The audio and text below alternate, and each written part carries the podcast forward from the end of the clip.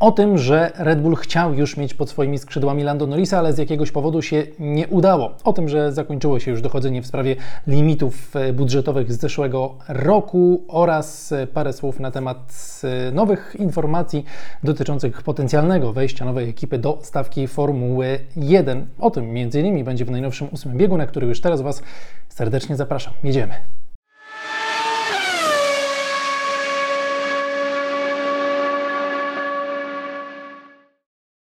Partnerem ósmego biegu jest wypożyczalnia samochodów Odkryj Auto.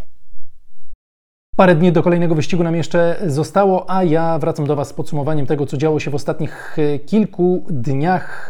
E, będzie sporo właśnie między innymi na temat tego Landon Norrisa, który gdzieś tam kręcił się wokół rodziny Red Bulla, ale zaczynam od takiego małego podsumowania tego, co działo się w ostatnich dniach na mediach społecznościowych e, kierowców. Na początek Daniel Ricardo, który podzielił się zdjęciami jego dłoni i to uwaga, jeśli ktoś jest czuły na oglądanie szwów na skórze, to lepiej niech teraz odwróci wzrok.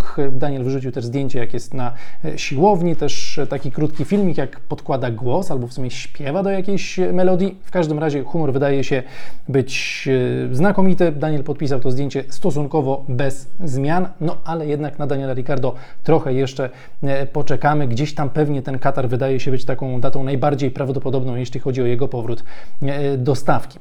Tymczasem na pola golfowe wraca Carlos Sainz. To jest zapalony golfista, tak jak zresztą wielu zawodników. No i Carlos weźmie udział w takim turnieju charytatywnym, w którym będą brały udział dwie drużyny celebrytów, sportowców. No i między innymi w drużynie Carlosa Sańca będzie e, ukraiński były piłkarz zresztą znakomity piłkarz Andrii Szewczenko.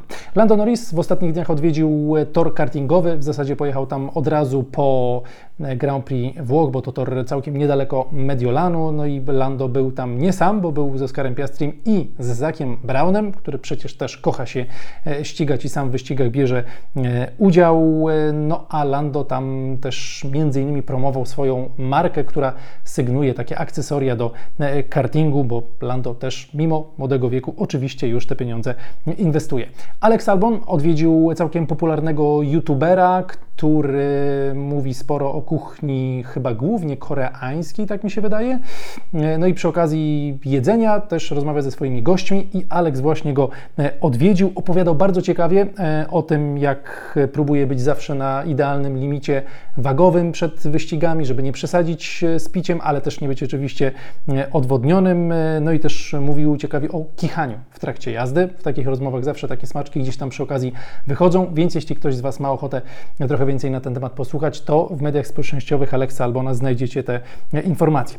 Logan Sargent trenował już, a w zasadzie trenuje już przed Singapurem, więc Y, bardzo y, ciepły pokój, siłownia, y, jakieś sprzęty, no i przyzwyczajenie się do tych wysokich temperatur. Yuki Tsunoda wziął udział w takim evencie promocyjnym filmu dokumentalnego na temat ekipy Alfa Tauri, więc Yuki w smokingu pływał po kanale w Wenecji razem z samochodem Alfa Tauri. No a Valtteri Bottas brał udział w jakimś charytatywnym takim spotkaniu w Monako i przy okazji zrobił sobie zdjęcie z księciem Monaco i też z buteleczką ginu, który to Valtteri Bottas produkuje. A teraz już nie o alkoholu, a o nowym samochodzie Hasa, a w zasadzie drugiej wersji samochodu Hasa. Ostatnio Nico Hulkenberg dosyć głośno mówił na temat tego, że Has bardzo mało poprawek do swojego auta przywozi na przestrzeni roku, że są trochę do tyłu, jeśli chodzi o ten e, rozwój. No i Has poinformował, że na Grand Prix Stanów Zjednoczonych do Austin ma przywieźć w zasadzie taką wersję B swojego samochodu. Ginter Steiner mówił ostatnio, że trudno jest już im znaleźć jakiś czas w tym e, aucie, no i ma się też zmienić koncepcja koncepcja. Dotychczas to auto było dosyć zbliżone do Ferrari, teraz ma tam być wiele zapożyczeń z samochodu Red Bulla. Zobaczymy, jak to wpłynie na tempo Hasa, ale to jeszcze musimy poczekać do Grand Prix Stanów Zjednoczonych. No a teraz temat limitów budżetowych. W zeszłym roku, słuchajcie, w październiku to była wielka bomba, bo okazało się, że Red Bull ten limit y, przekroczył za sezon 2021. No i wszyscy zastanawiali się, jak to będzie w roku kolejnym, czy zespoły wyciągną wnioski, czy też tak długo będziemy musieli czekać. No i nie musieliśmy tak długo czekać, czekaliśmy o miesiąc krócej, bo FIA już ogłosiła, że żaden zespół nie przekroczył limitu budżetowego. Wszystkie e, ekipy były w w e, zgodzie z prawem, jeśli chodzi o kwestie wydatków, ale też o kwestie proceduralne, więc ten temat, jeśli chodzi o sezon 2022, zamykamy za pewnie jakieś 8-9 miesięcy wrócimy do tego tematu w kontekście limitów budżetowych za sezon 2023. Ale jeśli chodzi o e, miniony sezon, to temat jest już wyczerpany i mamy pełną jasność. Super, że udało się to zrobić wcześniej niż e, rok temu. No a ja teraz przechodzę do tematu Red Bulla, Landon Risa, Sergio Pereza, a w centrum tego wszystkiego oczywiście Helmut Marko, który tym razem nie poszedł do austriackiej gazety Kleine Zeitung, y, tylko do austriackiej telewizji Servus TV.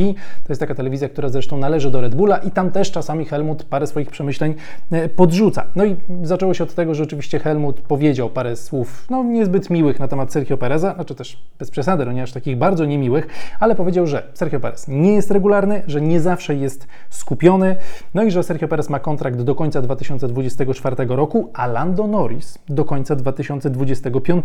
I dodał Helmut, że wielka szkoda, że Lando ma tak długie zobowiązanie z McLarenem.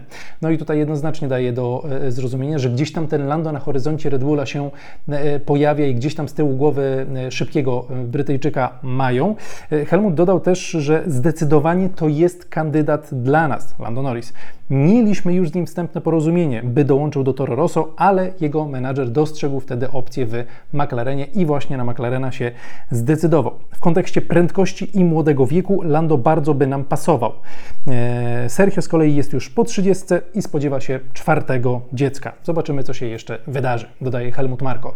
No, to, że jest po 30, to akurat myślę, że to nie jest najważniejszy argument w, w całych tych rozważaniach na temat kierowców, bo Luis jest jeszcze starszy, Fernando to już jest w ogóle jeszcze starszy, a jest bardzo, bardzo szybki. Obaj panowie są bardzo szybcy, więc wieku bym tutaj ani liczby dzieci chyba nie, na to bym się nie, nie powoływał. No, po prostu Sergio naturalnej tej prędkości ma trochę mniej i chyba też umiejętności, znaczy nie chyba, no na pewno ma mniej umiejętności niż e, Lewis Hamilton czy Fernando e, Alonso, ale jestem ciekaw, co z tego e, wyniknie. Christiana Hornera też zapytano się o Lando Norrisa, który ostatnio to mówił, że chciałby kiedyś być w jednym zespole z Maxem Verstappenem. No i Helmut, nie Helmut, Christian powiedział, że Lando wykonuje świetną robotę w tym momencie i My oczywiście mamy naszych kierowców potwierdzonych na 2024 rok, ale w 2025 mamy jedno miejsce wolne i tak jak sobie możecie to wyobrazić, jest wielu zainteresowanych, ale to jeszcze długa droga przed nami, żeby w ogóle o tym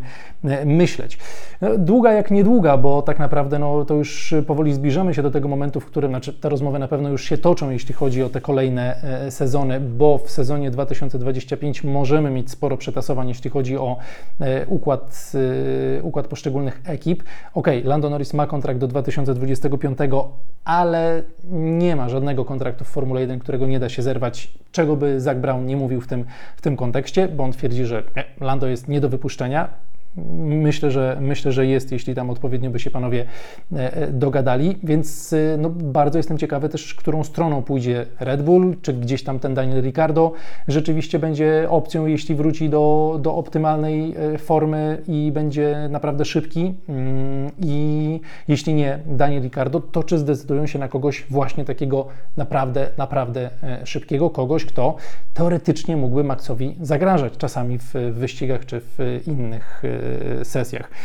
Mam nadzieję, że nie zdecydują się na, tego kierow- na takiego kierowcę, który będzie takim oczywistym numerem dwa, typu, nie wiem, tam, Nico Hulkenberg. Ok, jest szybki, będzie dowoził punkty, ale no wiadomo, jakby no, to nie ta zupełnie e, klasa.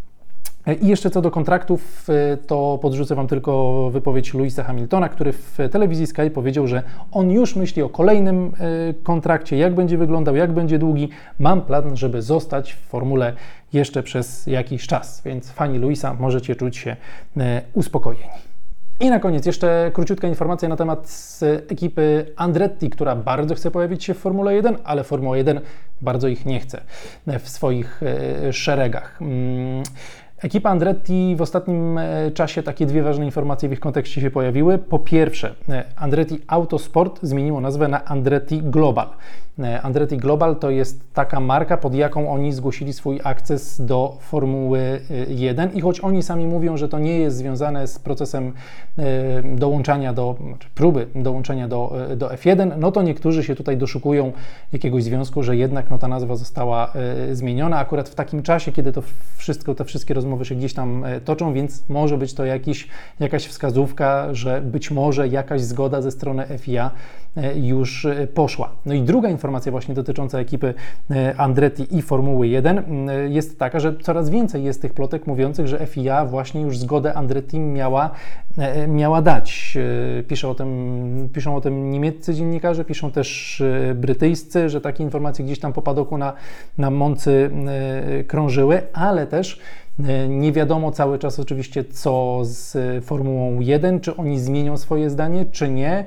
Jeśli nie zmienią, jeśli FIA by się zgodziła, a Formuła 1 by powiedziała, nie, my was nie chcemy, bo to nie jest tak, że FIA może za nich zdecydować, to pytanie, czy gdzieś tam nie weszłaby droga sądowa i powoływanie się na e, pewne też przepisy unijne, co nie byłoby na rękę Formule 1 i wizerunkowo, i, i prawnie, finansowo i tak dalej, bo po prostu mogliby to też przegrać, e, gdyby do, do tego doszło, więc no, dzieje się teraz za kulisami e, sporo. Na pewno jest sporo walki, od kiedy ewentualnie dołączyć, na jakich warunkach, czy w ogóle ta Formuła 1 ich e, rozważa, więc mam nadzieję, że w ciągu najbliższych tygodni poznamy jakieś decyzje, bo te decyzje właśnie teraz mniej więcej e, miały się już pojawiać i wychodzić na światło dzienne, więc może lada moment dowiemy się, co z tym Andretti, no i teoretycznie co z Hightechem, bo Hightech też tam miał przejść dalej w tym procesie zgłaszania się do Formuły 1 Hightech, czyli też ta ekipa, która teraz jest w niższych seriach i też bardzo chce wejść do e, F1.